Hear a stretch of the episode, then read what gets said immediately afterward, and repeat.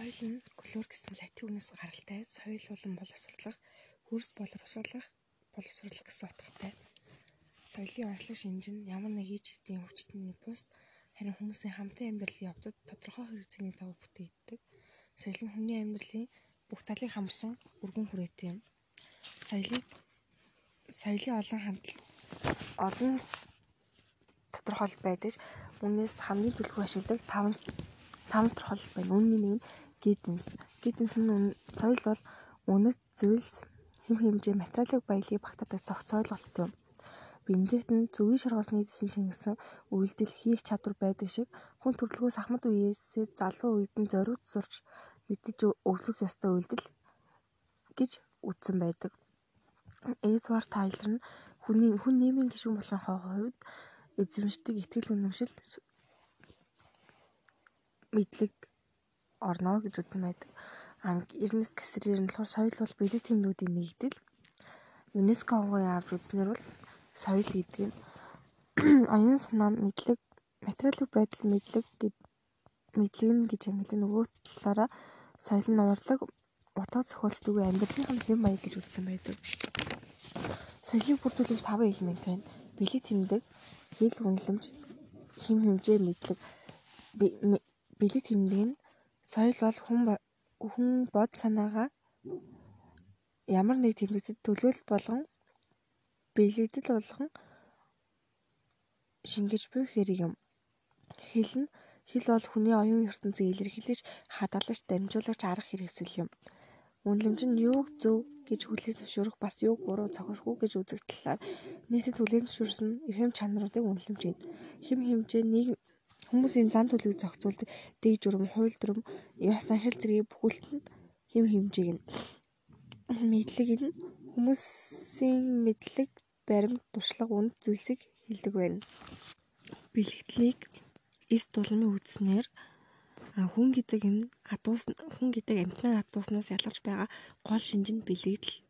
Хүн гэдэг бол бэлэгдлийн амьтан. Өөрөөр хэлбэл бэлэгдэл бол дохиод тэмдгийн дараагийн түвшин. Гэхдээ бэлэгдлийг бүхнээс эрхэмлэн авч үздэг. Үндэстэн бол яхааргүй монголчууд мөн гэж үзсэн байдаг. Аа бүсний бэлэгдэл нь монгол хүн бүсийг хиймэр сүлэн гэж үздэг. Тиймээс бүсээ дутуу бүслэх малдуурлах чирж явахыг цээрлдэг байна. 2015 онд Монгол хэлний тухай хууль нь Монгол хэл бичээ үсгээ хамгаалах, хөгжүүлэх талаар итгэл санаачлах гаргасан иргэнд хуулийн этгээдэд 4 жил тутам Монгол улсын ерөнхийлөгчийн нэрмэтэй шагнал болгоныг заасан байдаг. Хэлийг хоёр ангилна. Төрлөх хэл ба зохион хэл. Төрлөх хэл нь тухайн ард түмний төвөг соёлыг хадгалан дамжуулах үндсэн арга хэрэгсэл бол зохиомл хэл нь шинжлэх ухааны хэл ордог байна. Бэлэгдлийг дотор нь хав ангилдаг домог, шашин, урлаг, шинжлэх ухаан, философи урлаг гэх мэт. Домог нь домгийн үүсэл нь эртний нийгэмд хамаарах бөгөөд өнөөгийн соёлж амир их ач холбогдолтой. Энэ утгаар судлаачид домгийг соёлын үндсэн суурь анхдаг чим маяг гэж үздэг. Шашин нь хүмүүсийн сүсэг бишрэлийн эрэлт хэрэгцээгээр бий болсон оюуны оюун санааны хэлбэр юм гэж үздэг. Шинжлэх ухаан бол альва зүйлийг альва зүйлийн үнэн эсийг шалган тодорхойлох туслах арга туслах тусгах арга аргачлал зарчим тулгуурладаг. Үнэмж нь орос хэлний Ционист англи хэлний Валли хэмээн үгнээс гаралтай. Энэ үг нь үнэт зүйл, үнэлэмж, үнэт чанар гэх мэт олон янзлаар нэрлэгдэв. Үнэлэмж нь хүн төрлөختний төрлөختөнд хүлээн зөвшөөрөгддөг утга чанар, үнэлэмжийн баримжаа, үнэлэмжийг хүн хувь хүн хэн хэр өөрөмжүүлсэн хэмжээ гэдэг. Үнэлгээ нь тодорхой тухайн шалгуурт нийцэж байна уу үгүй юу гэдгийг шүүдэг. Соёлын чиг үүрэг нь бэлгэдлийн чиг үүрэг, үнэлэмж хэм хэмжээний чиг үүрэг, нэгтгэн зохицуулах чиг үүрэг. Бэлгэдлийн чиг үүрэг нь тэмдгийн хэлбэрээр оршдог. Тэм тэмдүүдийн хамгийн түгээмэл хэлбэр нь хэл юм гэж үздэг. Үнэлэмж хэм хэмжээ нь хэмжээний чиг үүрэг нь амьдралын чиг баримжаа олж авах байдаг чиглэлэг чиг үүрэг нь нийтлэг итгэл үнэмшил үнэлэмжийн тогтолцоо нийгмийг нэгтгэдэг байна. үйл ажиллагааны чиг үүрэг нь нийгэм соёлын уламжлалыг өвлүүлэх нийгмийн нийгмийн оршихуйн үндэс болдог байна.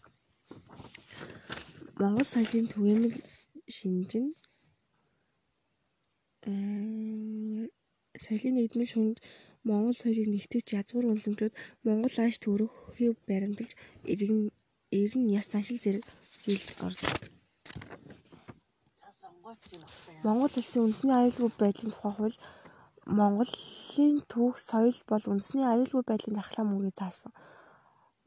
Монгол улсын соёлын тухай хууль соёлын үнэт зүйл зүйл гэдэгт гоо сайхны зүйл баримталдаг. Угсаатан бол түүх соёл амьдрал авахын хувьд бие биетэйг ойр төрөл нэг угсаа гаралтай хүмүүсийг угсаатан гин. Угсаатны хамгийн бага овог нь бага нэгж бол овог хоёр дахь нэгж нь яст юм. Яст нь нийтлэг нийтлэг аялга зан зан заншил сэтгэл зүй аж ахуй нутаг дэвсгэр бүхий овгуудын нэгдэл үндэсний соёл нь соёл нь улс үндэстний нийтийн хүртэл болсон гэтэл өнөмшил зам байдал хэв маяг үнэлэмж болон институтын нэгдлийг илэрхийлдэг байна. Сонгогч соёл нь тухайн нийгмийн гишүүдийн дийлэгдэн зохилж амьдрал зохилж буй амьдрах зан үйл үйлдэлийн загварыг тодорхойлогч соёл мөн. Дэд соёл нь зохилох соёлоос бага зэрэг ялгаатай боловч хүнтэй нийцэж байдаг соёл.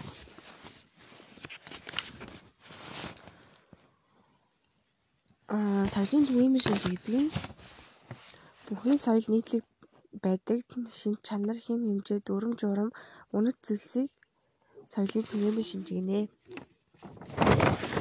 Америкийн социологч, антропологч Жорж Мёрдок нь соёлын түгээмэл шинжийг судалсан байдаг.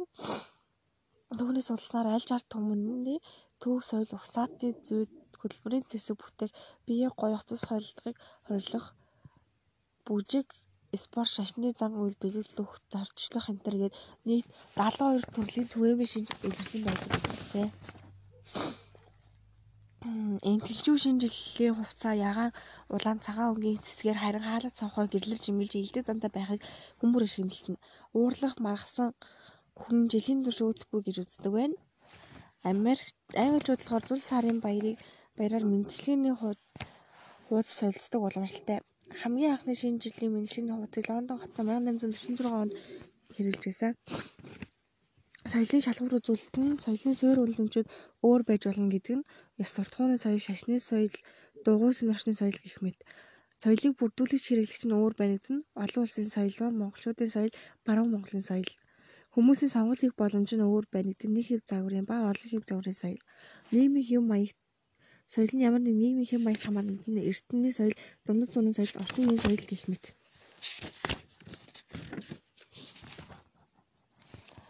А соёлын төвшингээр нь олон улсын соёл, улс үндэстний соёл гэж ангилна. Олон улсын соёлын даяарч байгаа дэлхийн ертөнцид соёлын шинжлэх солилцооны үр дүнд соёлч мөн даяаршиж улс үндэстний хүрээнээс хальж олон улсын шинжтэй болж байгаа юм. Үндэсний соёл гэдэг нь ихтгэл соёл гэдэг нь тухайн улсын улс үндэсний нийтийн хүртэл болсон итгэл үнэмшил зам байдлын зам байдлын хэм маяг үнэлэмж болон институтын нэгдлийг илэрхийлдэг байна.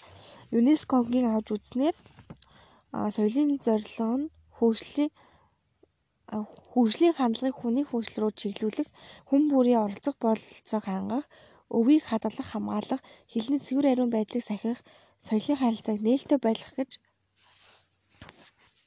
ангилсан байна.